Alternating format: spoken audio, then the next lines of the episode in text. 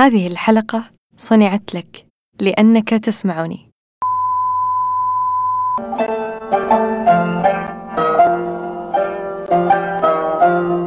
هل تذكرت مشهدا من طفولتك؟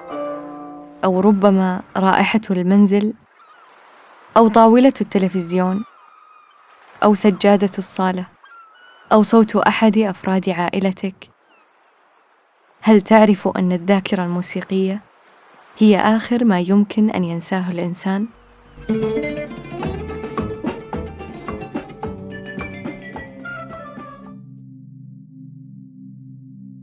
كيف لصوت أن يجعلك تفرح؟ تتأهب. تخشع. تهدأ. تفزع.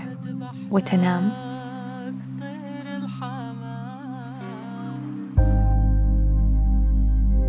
هل تشعر مثلي أن الأذن بوابة زمنية تأخذنا في أي لحظة إلى كل مكان؟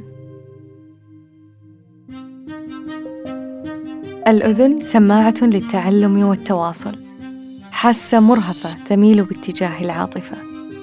تعلم الإنسان من خلال سماعه الأصوات التفريق بين العدو والصديق ومعرفة الأماكن وتقدير المسافات واستنتاج الثقافات. كما أن السمع بذاته قد يكون استماعا بالأذن أو إنصاتا بالذهن أو اصغاء بكل الجوارح. أذناك تسمع بهما ما حولك وتتأثر نفسك.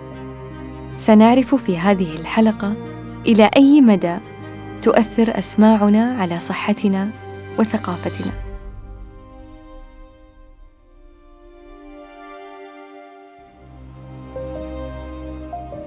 نظامنا السمعي مرهف ودقيق. يبدأ بالأذن الخارجية ثم قنوات ملتوية يمر فيها الصوت حتى يصل إلى الطبلة التي تنقل الاهتزازات إلى نهاية الأذن. هناك في غرفة صغيرة لا تتجاوز حجم مساحة قلم الرصاص وبعيدة في داخل جمجمة الرأس. نجد الأذن الداخلية وفيها القوقعة وهي الجزء الذي نسمع به الآن ويفتح لنا بوابات لعوالم عديدة. في الأذن قنوات ودهاليز وحساسات وأغشية رقيقة وغرف صغيرة. وأخيرا عصب سمعي ينقل الإشارات إلى الدماغ. تخيل هذا العمل المضني المستمر لرحلة الصوت في أذنك في كل لحظة من حياتك حتى أثناء نومك. حتى عندما لا تسمع صوتا فأنت تسمع صمتا. استشعر كل الأصوات التي تسمعها الآن بما فيهم صوتي.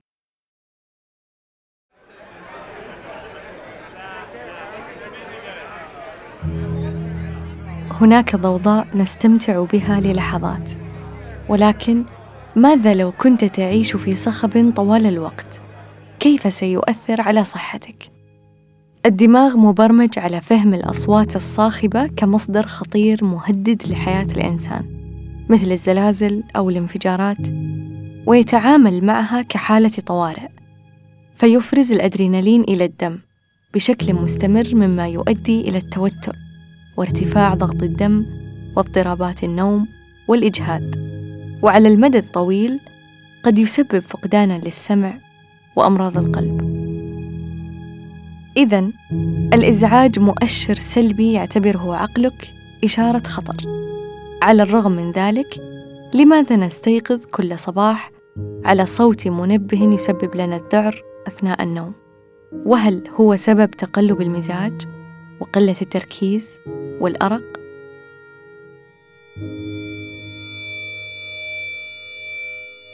ما الذي سيخطر ببالك عندما تستيقظ يوما ولا تسمع شيئا من حولك عندما يكون العالم ساكن وهادئ وبلا صوت هل سيمر ببالك أن البشر رحلوا إلى المريخ وتركوك الإنسان الأخير على وجه الأرض هل هذا ما يشعر به الأصم كل يوم وهل سيشعر بالحياة عند سماعه للصوت We're on. Can you hear me?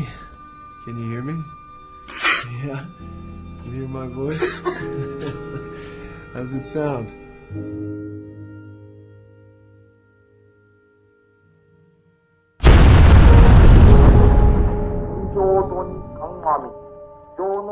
في الثانية عشرة ظهرا بتوقيت اليابان أثناء الحرب العالمية الثانية بث على المذياع صوت الإمبراطور للمرة الأولى في تاريخه ليعلن استسلام اليابان وإنهاء الحرب بعد دمار مدينتي هيروشيما وناغازاكي اللتين استقبلتا القنابل الذرية ودمرت أراضيها وقتل أهلها.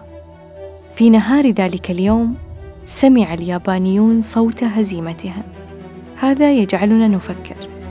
إذا كان صوت الحرب دويا وصوت النصر هتافا وقرع الطبول حماسا فهل للهزيمه صوت.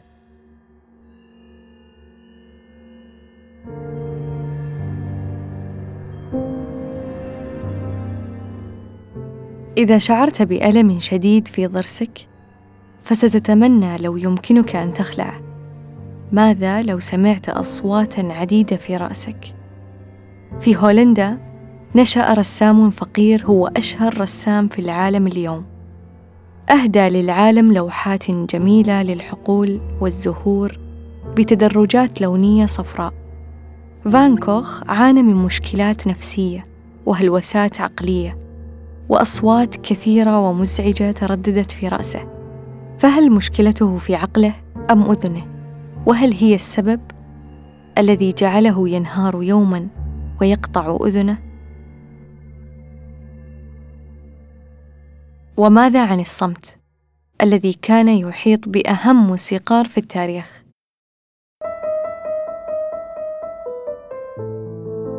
بيتهوفن عانى من الصمم في معظم سنوات حياته.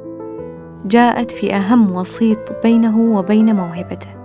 كتب مرة في إحدى رسائله يا لشدة ألمي عندما يسمع أحد بجانبي صوت ناي لا أستطيع أنا سماعه أو يسمع آخر غناء أحد الرعاة بينما أنا لا أسمع شيئا. كل هذا كاد يدفعني إلى اليأس إلا أن الفن وحده هو الذي منعني من ذلك. لم يوقفه الصمم من الانغماس في عالمه الداخلي والاستماع لعنفوان الحب والغضب واليأس. فعزف مشاعره على شكل موسيقى ليسمعها العالم أجمع. إلا أذنيه. فهل كانت ذاكرته السمعية تسجل الموسيقى حتى فقد سمعه؟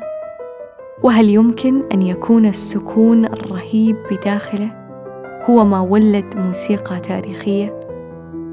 ماذا لو كان بيتهوفن قادرا على السمع؟ هل كان سيؤلف أجمل من سيمفونية ضوء القمر؟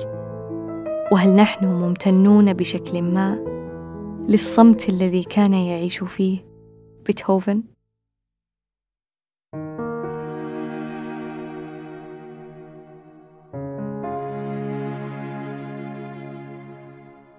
الأذن كالعين توفي القلب ما كان والأذن تعشق قبل العين أحيانا.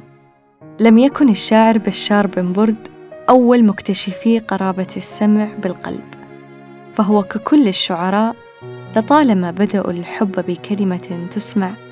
ونبرة ترهف وبصوت المحبوب يطيب الجسد ويشفى الألم فبأذنك تشاهد ابتسامته وبسمعك تتلمس حزنه. فكيف لصوت أن يقطع كل هذه المسافات ويخترق الحواجز ليستقر في القلب؟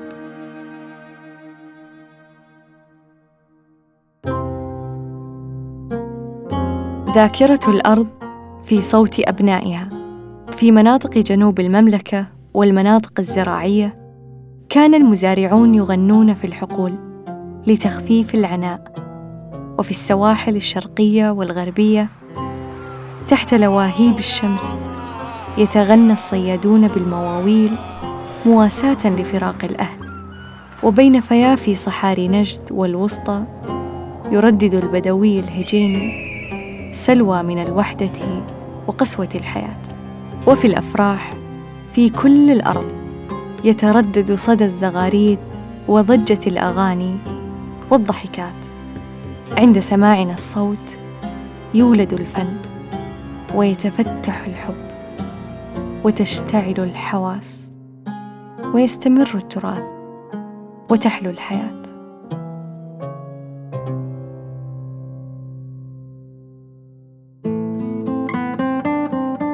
هذا بودكاست أبو قراط للتأمل في الإنسان والتجول في ثقافته. وهذه أنا الطبيبة أثير الأحمد.